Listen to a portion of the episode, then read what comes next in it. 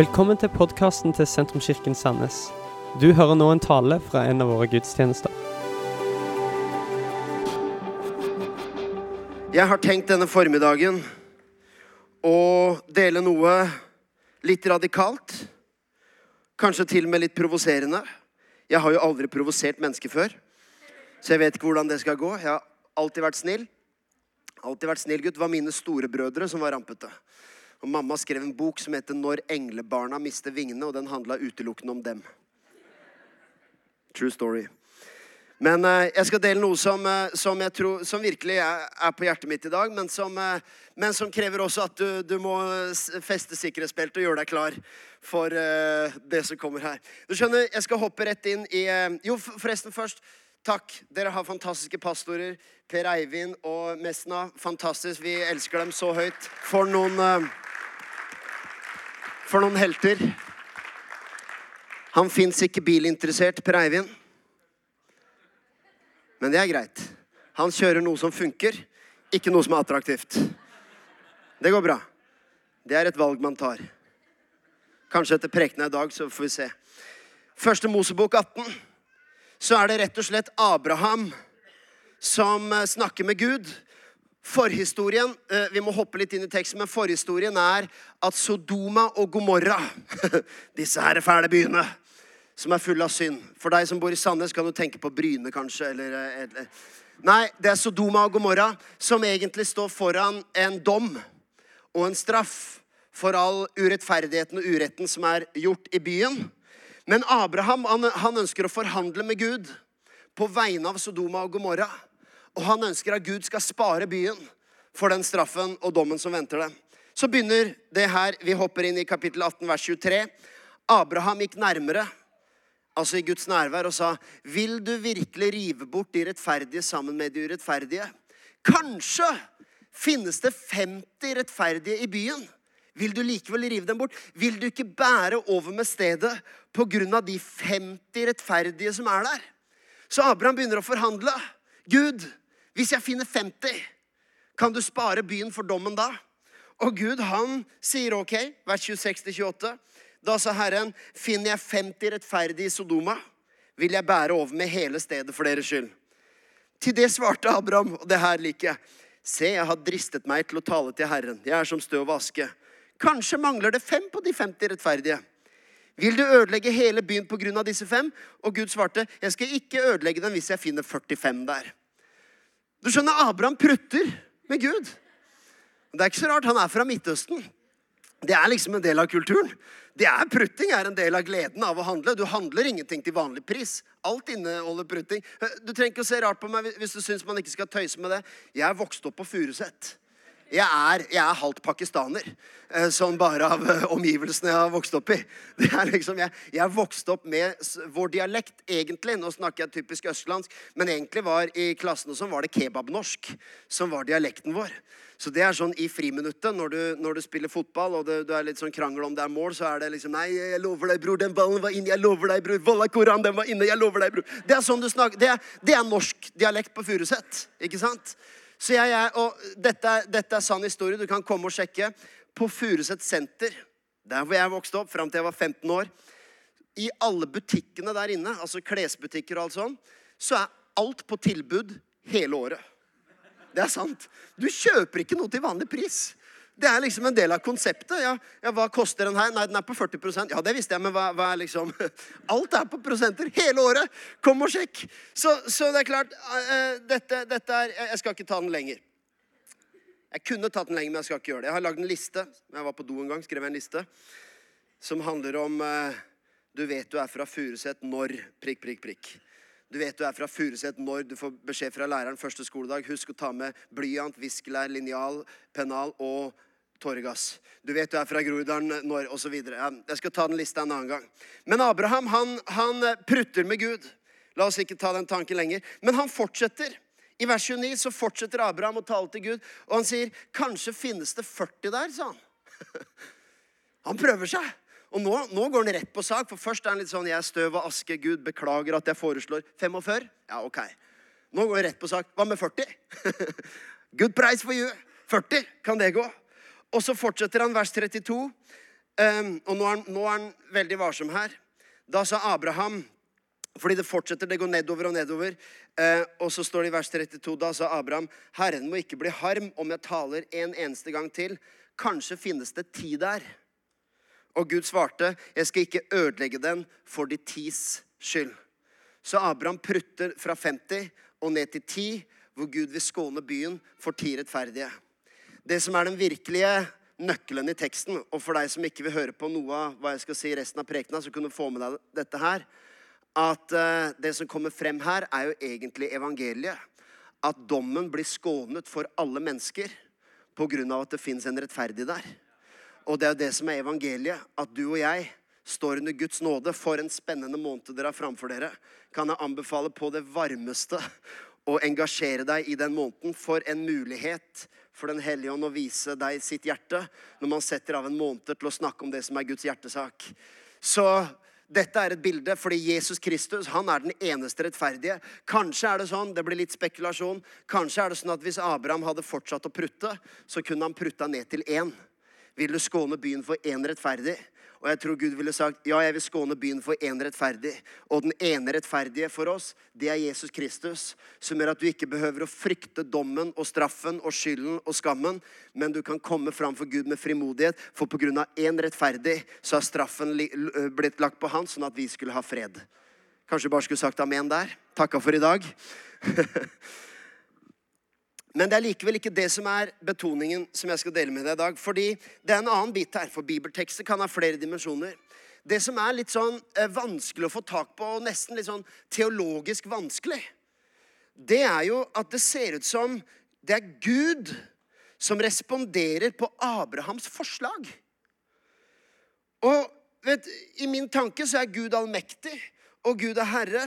Og man kan jo lure på hvorfor sier ikke Gud til Abraham med en gang hvor langt ned han har tenkt å gå?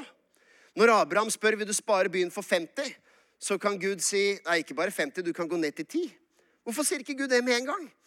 Det er sånn av og til når man, hvis du, hvis du er i Syden og prutter, så har du lyst til å høre fra de som det, det, ser ikke ut som dere har så pruttekultur her når jeg ser på ansiktet.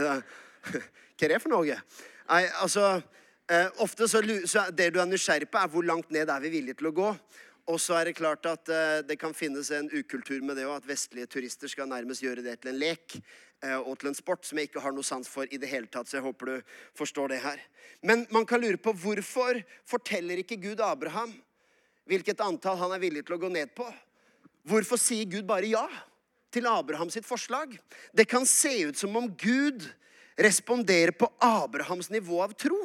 Og det er en litt sånn både provoserende tanke og en teologisk litt, litt, vanskelig tanke. Men jeg har drista meg til en overskrift her i dag. Det er med litt sånn, Jeg skjelver ikke, jeg er ikke nervøs, men det er en sånn tale som jeg må, jeg må liksom vokte formuleringene litt. Bønn som beveger Gud.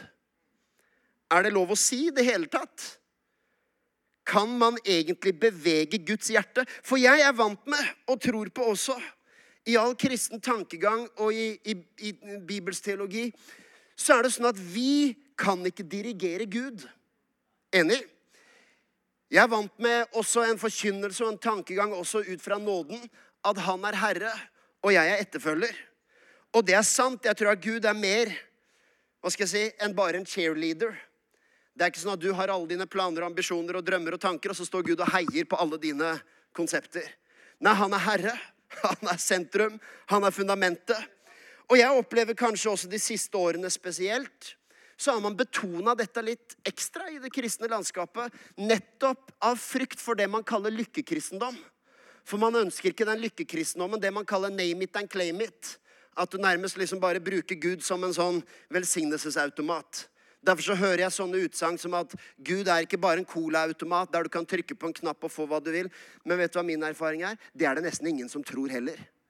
Så av og til bruker vi sånne eksempler, karikerte eksempler som egentlig ingen går rundt og egentlig mener. Jeg tror at av og til så advarer vi så mye mot den typen bønn og den typen tanke. Bare heng på meg. Heng på meg, det trenger du ikke, men heng på tankerekka. At vi går glipp av det mønsteret vi finner i Bibelen. Vi karikerer en type bønn så mye at vi ser ikke skogen for bare trær. Hvor vi ser hva skal jeg si, eh, Det fins et mønster i Bibelen som jeg har tenkt å, å formidle til deg i dag. Som er nemlig at det er noe i Guds fars hjerte som ønsker at du skal begjære av ham. At du skal tørre å be store bønner. Det er ikke bare sånn at Gud har alt klappa og klart, og det som skjer, det skjer. Faktisk fins det et navn på det. Det heter predestinasjon. Nemlig tanken om at hvis det er Guds vilje, så skjer det. Hvis det ikke er Guds vilje, så skjer det ikke. Og det er egentlig en ganske etablert tanke i, i manges forhold til Gud. At jo, jeg kan be, og hvis Gud vil Det er litt som muslimene da jeg vokste opp, så sa man inshallah. Det sa man om alt mulig. Ja, vi ses i friminuttet, inshallah. Hvis Gud vil. Og mange kristne har litt den samme teologien. Inshallah. Hvis Gud vil. Og selvsagt fins det en vilje fra Gud, men la meg vise dette fra Skriften. For det står f.eks. i Salmene 2,8. Dette er riktignok i Det gamle testamentet, og det er Gud som sier til Israel. Men det sier likevel noe om Guds hjerte. The heart of God, som jeg ba om at vi skulle få oppdage. Begjær av meg, sier Gud, og jeg vil gi deg hedningene til arv og jordens ender til eie. Er ikke det radikalt? Begjær av meg. Gud sier ikke bare 'du er støv, og du får ta det du får'. Han sier 'spør meg'. Be, så skal du få. Bank på. Det skal bli lukket opp. Det finnes noe i Guds hjerte som inviterer deg til å dra fra Guds hjerte. Jesus har det samme når han går rundt med mennesker.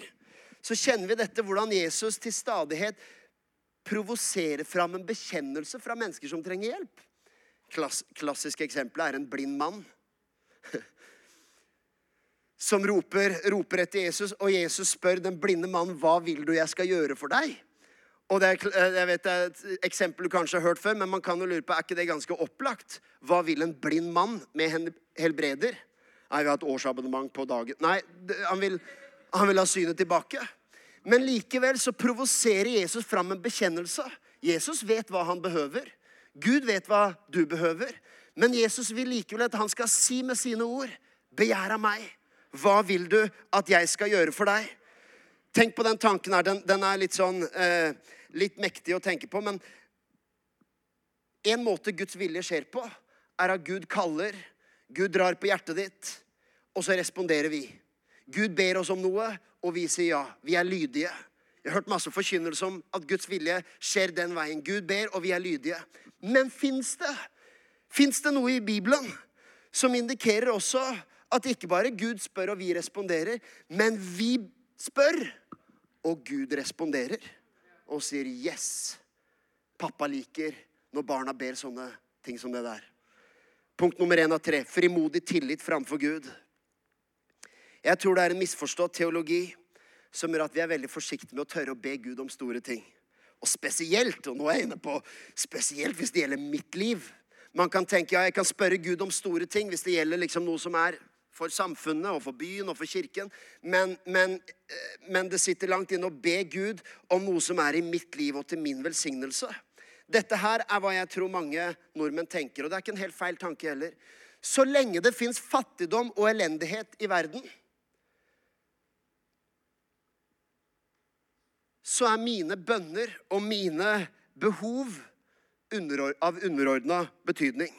Så lenge det fins fattigdom, så er ikke mine bønner viktige. Og hør her, Vi er sjøl en kirke som engasjerer oss i bekjempelse av fattigdom. Det er et stort tema med verdens urettferdighet. Men her er en tanke som jeg tror vi må holde fast ved. Nemlig at uansett hva som fins av urettferdighet i verden, så sier min bibel at Gud er rik nok for alle som kaller på han. Han er rik nok på nåde og miskunn til at han skal fylle våre behov, og at vi skal ha overflod til all god gjerning så ser jeg en urettferdig verden på tross, uansett hva du hører i dag. Jeg ser en urettferdig verden. Når jeg ber Gud om hjelp til kan vi, få, eh, kan vi få råd til en sommerferie, så vet jeg at det fins mennesker som sulter på andre siden av kloden. Men vi kan ikke forandre vår grunnleggende lære at Gud er rik nok for menneskeheten. Du kan ikke redusere gudsbildet pga. at det fins noen skygger. Jeg har pleid å bruke det bildet her. At jeg er sånn, eh, hva skal jeg si, Gud har ikke én kake. Og så er det sånn, Hvis andre har en bit av kaka, så er det mindre til deg. Men hvis du tar mindre, så er det mer igjen til andre. Det er litt som, det er litt som hvis du lever i sånn konkurransetankegang. Det er litt som å komme på stranda i Spania. Sola skinner, og du har glede, endelig gleda deg til å få litt farge på kroppen. Jeg vet det er mye sol i Sandnes òg, altså, men Sånn som i går når vi landa på flyplassen. Det er ikke en sky på himmelen og klissvått på bakken. Fascinerende opplevelse. Men uansett, du kommer til Syden, og så har du gleda deg til å få litt farge. Kom på stranda, så kommer du til stranda og bare Åh, å nei. Det er hundrevis av andre der. Nå kommer jeg ikke til å bli brun. Det er ikke nok sol til alle. Når alle de her tar solkreften Nei, vet du hva? Det kan ligge en milliard mennesker på stranda. Sola er uberørt. For den er så rik og så sterk. Og nå mener jeg ikke at Gud bare er en sånn, kraft, en sånn der personløs kraft der oppe, men vi må forstå at det er Guds natur. Han er rik nå. Det kan være en milliard mennesker som tar imot. Men du skjønner, Gud bare gir. Gud er rik nok for alle. Så er det mer sånn hvem stiller seg i sola? Jeg skjønner at det ikke er fullkommen forklaring på alle verdens ting, men jeg liker å tenke sånn om verdens fattigdom og urettferdighet. At dette er skygger som skygger for det som samfunn, byer og nasjoner er ment å leve i. Og det kan være skygger pga. korrupsjon. Det kan være skygger pga. urettferdighet. Det kan være skygger pga. også dårlig politikk. Det kan være skygger pga. at vi også tar bevisste valg som, som diskriminerer de fattige osv. Men én ting er sikkert, det forandrer ikke at Gud er nok for alle. Om det er ti milliarder mennesker på, sola, du, nei, på, på stranda, du blir like brun! Og du skjønner, Gud er rik nok. Du må slutte å tenke på at Gud har én stor kake. Nei, vet du hva? Gud inviterer oss til å begjære av han. Og han sier at et rettferdig menneskets bønn virker med stor kraft. Hør på 1. Johannes brev 5,14. Dette er den frimodige tillit vi har til ham. At om vi ber om noe etter hans vilje, så vet vi også at vi har fått oppfylt de bønnene vi har bedt til ham. Jeg tenker på, uh, vet, jeg har jo tre herlige barn, og de er veldig glad i besteforeldrene sine. Mikkel, han minste, det var bare nå, nå denne uka.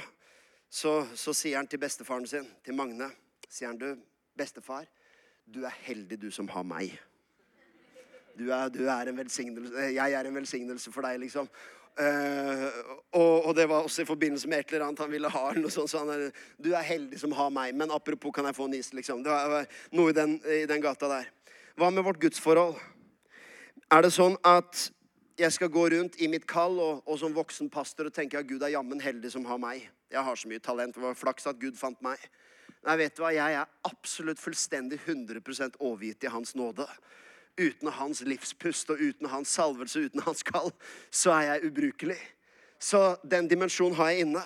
Men det finnes, det finnes også et så klart mønster i Bibelen Nemlig at Guds farshjerte elsker når barna har en frimodig tillit.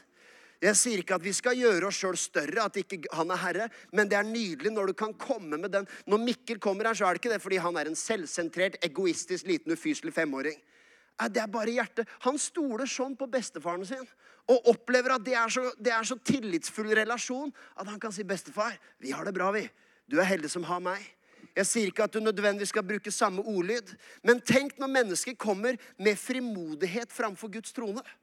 For alle er vant med, både kristne og ikke-kristne, at må, hvordan er det du hedrer og ærer den allmektige? Jo, du kommer i ærbødighet. Og det er sant. Alle våre lovsanger handler også om det. om Vi kommer framfor deg, løfter våre hender, vi bøyer våre knær. Alt handler om, om, om den dimensjonen. Og, og ingenting av det jeg sier, er imot det. Men vet du en annen måte å hedre Gud på?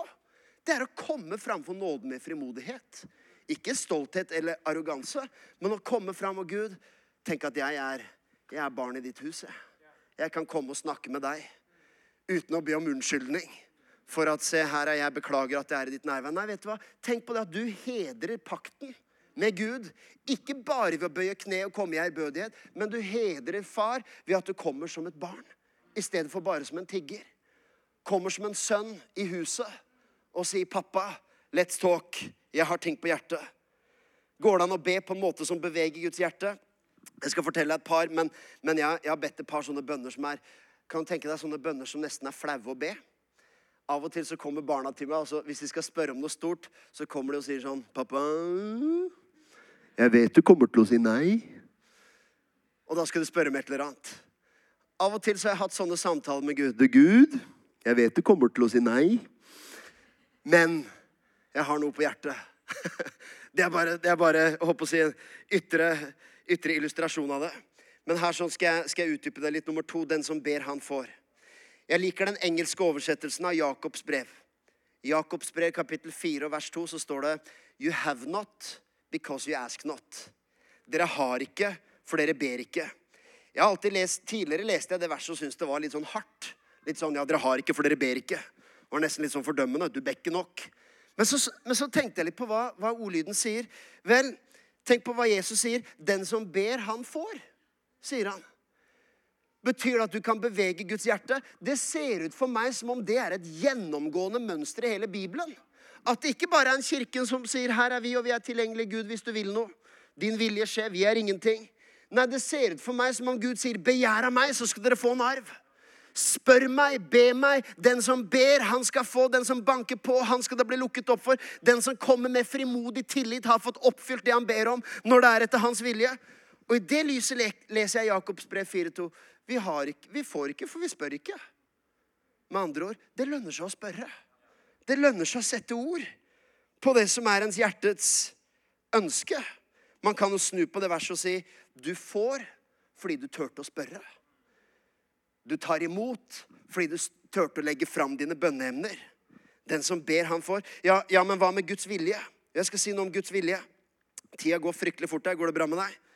Meg òg denne tanken med at hvis det er Guds vilje, så skjer det uansett. Vel, dette er et av mysteriene i kristen tanke. Hva er Guds vilje? Hvordan kan en allmektig Gud Man kan lure på hvor, Gud, hvorfor skapte du jorden når du visste at mennesket kom til å falle? Det er utenfor rekkevidden av hva jeg kan rekke her på 30 minutter. Men jeg legger f.eks. merke til Jesus når han møter en militæroffiser. Hvis uh, denne tjeneren hans ligger syk hjemme, og Jesus blir tilkalt for å komme hjem til huset hans for å helbrede tjeneren. ok? Så Jesus er på vei. Jesus er på vei hjem til huset hans for å helbrede tjeneren som er syk. Langs veien så endrer Gud mening. Hvorfor det? Jo, for denne militæroffiseren han møter Jesus og sier, 'Du trenger ikke komme til mitt hus. Det er nok at du bare sier et ord.' Hva er dette for noe? Jo, Jesus responderer og sier, 'Wow, ikke engang i Israel har jeg hørt noe med så stor tro.' 'Men la det skje etter din tro. Din tjener er helbreda.' Jesus tilsynelatende Jeg vet at Jesus er allvitende, han visste dette på forhånd. Men det ser ut som om Jesus endra kurs. Han var på vei hjem for å helbrede tjeneren, for det var det de hadde spurt om. Vi kan ikke dirigere Gud, men du skjønner, Gud responderer etter din tro. Så, så, han er på vei hjem, men langs veien så kommer en mann med enorm tro, og han har så tillit til kraften og autoriteten i Jesus at han sier, 'Vet du hva, det holder at du bare sier et ord, så vet jeg han blir frisk.' Og Jesus sier, 'All right, når du har sånn tiltro til meg, la det skje sånn som du tror'. Det er ganske mektig. Det er ganske enormt å tenke på han som kan gjøre langt utover det vi ber om eller forstår. Kan det være kan det være, Jeg håper ikke jeg har provosert deg altfor mye her. Men kan det være at vi i norsk tankegang også Vi, vi har sånn fokus på Guds vilje, vår, er, ærbødighet og det, Han er herre, ikke vi. Og du, vi skal ikke ha lykkekristen om Gud er ikke en colaautomat. At vi går glipp av en enorm åpenbaring som handler om Han som kan gjøre langt utover det vi ber om eller forstår. Man kan si, jo, men Handler det ikke om Guds vilje? Jo, det handler om Guds vilje. Men kan det se ut som Guds vilje er at du skal tro? Så når du tror og du begjærer Guds hjerte, så smiler Gud og tenker endelig, nå har han skjønt. Nå har han skjønt hva det vil si å komme med frimodig tillit. Dette er min vilje. At du kommer med frimodighet og ber etter det som er Guds vilje. Så kan man si, ja, ja det ikke, uh, har det ikke noe å si om det er Guds vilje, det jeg ber om? Jo, selvsagt. Men her er min erfaring på dette. For det første står det i verset etterpå, Jakob 4,3, dere ber og får ikke fordi dere ber galt for at dere skal sløse det bort til deres lyster. Det handler simpelthen om at man får ikke bønnesvar fordi ens bønn kan ha et feilt motiv. Men helt ærlig, min erfaring med mange unge kristne er at de er veldig bevisste på det å be med feil motiv. Man kan ikke be, liksom, man, man må, Det må være ærlig, det må være redelig, det må være oppriktig, og det må helst være for noen andre. Hør her. Dersom dere ber om noe etter hans vilje Det som er fantastisk, hvordan kan jeg vite at min bønn er etter Guds vilje, åssen jeg tar og gutser og ber om store ting? Jo, vet du hva? Det er her Den hellige ånd hjelper meg. Det står sånn her i Romerbrevet kapittel 8. Hør på dette her, vers 26. På samme måte kommer også Ånden oss til hjelp i vår svakhet. Når vi ber bønner som er drevet av egoisme og materialisme og, og, og selvopptatthet, så kommer Ånden oss til hjelp i vår svakhet, for det er hva det er. For vi vet ikke hva vi skal be om for å be rett. Men Ånden selv går i forbønn for oss med sukk uten ord. Dette er min praktiske erfaring.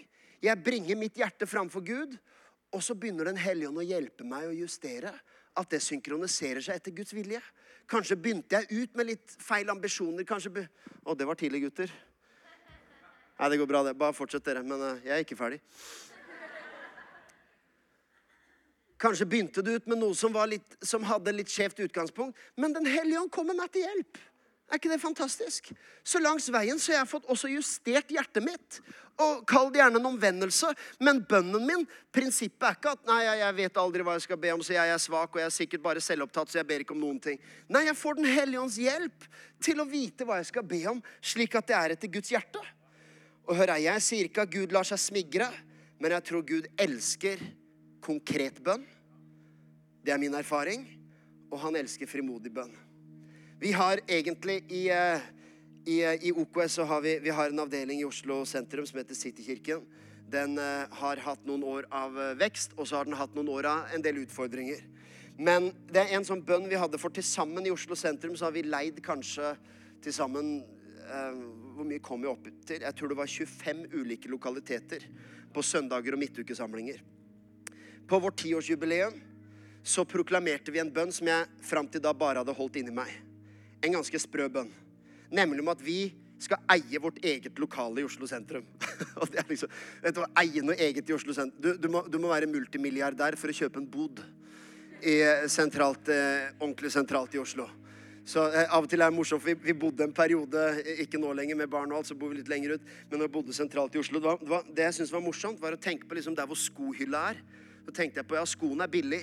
Men den flekken hvor skohylla står, er verdt 200 000. Jeg er ganske råd til å tenke på det. Morsom tanke hvis du bor på sånne.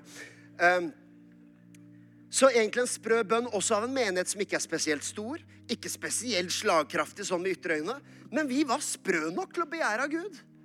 Og det var basert også på noe som virkelig hadde blitt lagt i hjertet. Og en bønn som jeg var nesten flau. Gud, jeg gidder ikke det her med. Vi skal ha vårt eget lokale. Jeg vet du kommer til å si nei. Lang historie kort. Det er, det, er, det er, et mirakel, men nå i sommer så signerte vi på at vi har overtatt og eier nå Møllergata 40 i Oslo sentrum. Det er helt Og jeg, jeg bare jeg står og tenker at det er, ikke, det er ikke fordi vi er verken rike eller strategiske eller spesielt dyktige, men jeg har oppdaga at det lønner seg å spørre. Det lønner seg å be. Gud er større enn du tror. Det er nok sol til alle på stranda, og det er nok Gud til hele menneskeheten. Han er så rik. Han kan gjøre langt utover det vi ber om eller forstår. Faktisk så er dette Paulus sin bønn for menigheten. Efesene 1,17. Den kommer ikke på skjerm. Jeg ber om at vår Herre Jesu Kristi Gud, herlighetens Far, må gi dere visdoms- og åpenbaringsånd i erkjennelse av Han. Hør på dette, da, Sentrumskirken. Paulus ber for menigheten, og han ber om at deres forstands øyne skal bli opplyst, så de kan forstå hvilket håp dere fikk ved hans kall, og hvor rik på herlighet hans arv er blant de hellige og forstå hvor overveldende stor hans kraft er for oss som tror, etter virkningen av hans mektige kraft. I, på starten av sommeren her òg, for Gud elsker konkrete bønner. Og han elsker Du skjønner, Gud elsker å velsigne. Jeg så under, under kollekten her, og dette tror jeg på vi sier det samme hjemme, men det står 'velsignet' for å være en velsignelse. Vi tror på det. Vi sier det faktisk i en bekjennelse vi har. Jeg er velsignet for å være en velsignelse. Kan jeg få lov å provosere deg bitte lite grann? For jeg tror på det prinsippet. Samtidig så går vi glipp av en åpenbaring. For yes, vi er velsigna for å være en velsignelse, men vet du hva som også er tilfellet? Du er velsigna fordi Gud elsker deg og hans favør over livet ditt. Punktum. Det er en viktig liten nyanse. Jo, ja, ja, hvordan kan du si sånn? Vel, hva med barna mine? Når jeg sier ja, vet du hva, jeg elsker deg, Mikkel, Sofie, Theodor. Jeg elsker, jeg elsker dere, dere er barna mine. Men jeg elsker dere først og fremst sånn at dere kan bli glad i andre og videredistribuere denne kjærligheten og være et forbilde for andre, slik jeg er for dere. Nei, vet du hva? Mitt hjerte er at jeg elsker dem fordi de er mine. De er, jeg er dems pappa, og uansett hva de gjør videre, så er det steg nummer én. Betingelsesløst av hva som skjer videre. Jeg vil velsigne dem. Punktum. Og så tror jeg at en sånn oppvekst og et sånt liv og en sånn trygghet som det skaper, produserer også sjenerøse hjerter. Og jeg tror kristne yes, vi er velsigna for å være en velsignelse, men mange troende trenger også å få en åpenbaring av hva Gud elsker å velsigne fordi han elsker deg, og du er hans barn, og du har hans favør i livet. Punktum. Og så vokse opp og lære en sånn Gud å kjenne produserer også et veldig sjenerøst hjerte. Derfor så tok vi sjansen på starten av denne sommeren. Jeg, jeg er virkelig inn for avslutning nå. Det var den stilleste synten jeg har hørt noen gang i noen kirke. Det er veldig bra.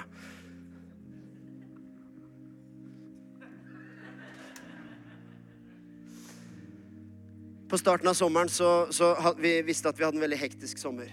Dette er bare personlig oppmuntring, så det er ikke fordi vårt liv er så spennende, men, men kanskje det er til hjelp for deg. Du skjønner, På starten av sommeren vi visste det var kristne festivaler, det var vår egen festival, det var Hillsong Conference, det var Saronsdal, det var Solstrandstevne, det var en annen gathering av noe slag. Det var, det var en veldig kristen sommer. Og det er fint. Ungene elsker det, vi elsker det, og det, det er ikke noe byrde, det. Det er en eh, opptur.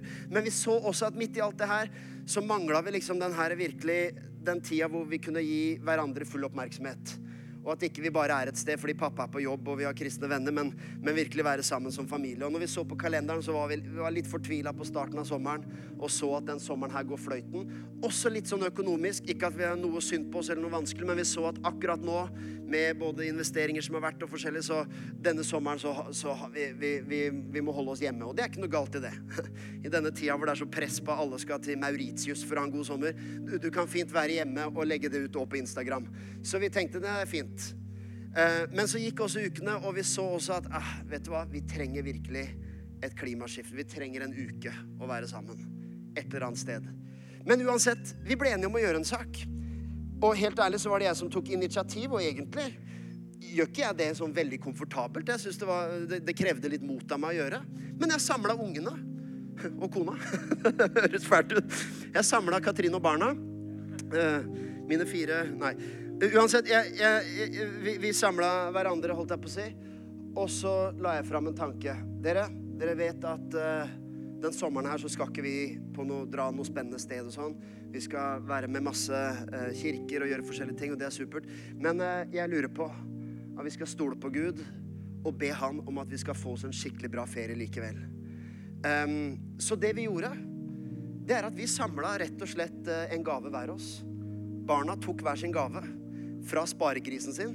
Jeg sa at dere kan velge uansett hvilket beløp du har. Og jeg sa at dette her er ikke for å kjøpe av Gud, det er ikke en forhandling, men vi ønsker å gi en gave i tro for å markere og bekjenne vår tillit til Gud.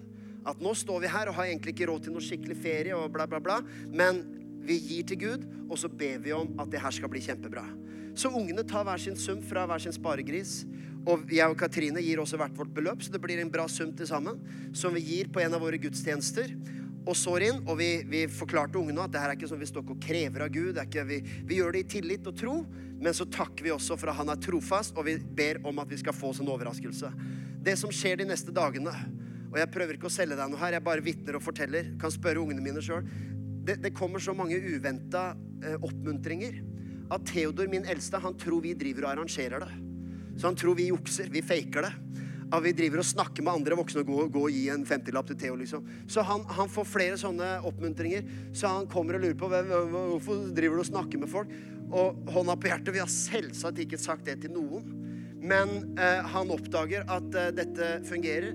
Lang historie kort. Det, det skjer et par ting også personlig og i, hva skal jeg si, med oss voksne som gjør at vi ender opp med en fantastisk velsignelse. Vi får oss en uke i Spania eh, som bare er ren flyt, ren blessing, ren favør fra himmelen. Jeg vet at det finnes 100 000 familier som også kunne trengt det. Men jeg vet også at Gud er rik nok både for meg og dem. Så jeg vil heller stole på Gud i mitt liv, for så å kunne hjelpe og veilede andre og si, vet du hva, du kan stole på Gud. Dette virker. Selvsagt er det sånn at man går gjennom tøffe ting. Dette er ikke, jeg, jeg, sier ikke at et kristen liv er uten lidelse. Tvert imot. Det er, det er masse som man kan snakke om det. Og hvis du hører summen av vår forkynnelse, så forstår du helhetsbildet. Men jeg, skal, jeg kan ikke forandre mitt gudsbilde av ting som, på ufullkommenhet og lidelse i verden. Så uansett, vi ender, oss, vi ender opp på denne ferien. Og det som er morsomt, på slutten av ferien nå, nå på starten av skolestart i høst, så driver Theodor og kikker i sparegrisen sin. Og så syntes han at nå var det litt slunkent der. Eh, for det gikk jo en del unna, og, og eh, han kjøpte seg litt forskjellige fotballdrakter og forskjellig. Så han kommer hjem, og så ser han liksom, skal telle opp, da. Og så finner han ut at det her, det her var ganske tynt. Eh, og så sier han til mamma, til Katrine, så sier han du, mamma, mm, jeg tror jeg må gi litt til kollekten igjen, jeg. I like it.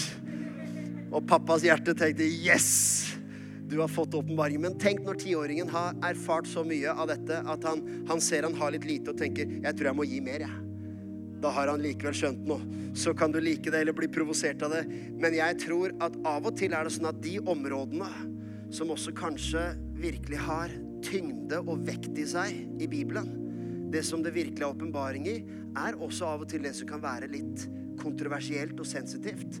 Og jeg sier ikke Vi promoterer overhodet ikke en selvsentrert kristendom, ikke en materialistisk kristendom. Tvert imot, jeg tror det å oppdage Guds farshjerte og Guds rikdom produserer svært sjenerøse kirker. Så la meg si dette helt til slutt. Hva tør vi å be Gud om? Hva tør vi, hva våger vi å be Gud om? Ikke bare individuelt, men sammen som kirke. Jeg lurer av og til på om djevelens strategi av og til er å holde oss fokusert på små problemer. Dette er hva jeg har oppdaga. Hvis jeg får et stort problem, et stort fjell, så må jeg bruke stor tro for å overvinne det. Men hvis jeg har masse smågreier, en ødelagt vaskemaskin, et punktert dekk, en masse smågreier Jeg sier ikke at det vaskemaskinen din er i stykker, at det er djevelens skyld. Kanskje den bare er fordi du har hatt den i 20 år, og den er ikke bytta ut. Men det er sprøtt hvordan masse små ting holder deg fokusert på små bønner.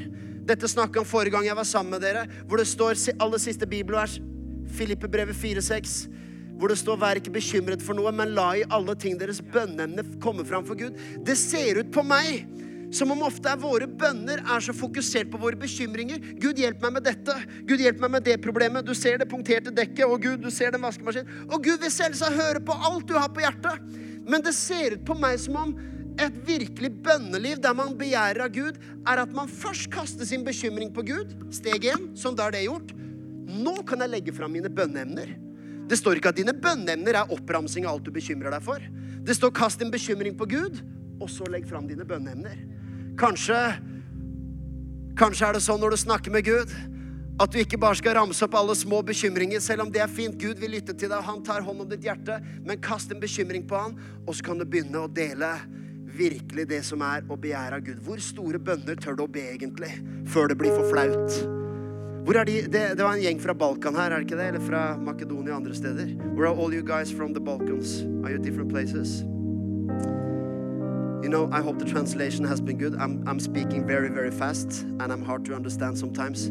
So I hope the translator has survived. That's the most important part. Secondly, that the translation is good. But number one is that his health is okay, that he's uh, in survival mode, and that he's actually still breathing. That's the key. But uh, having said that, uh, you know, have large prayers. Can you dare to ask God?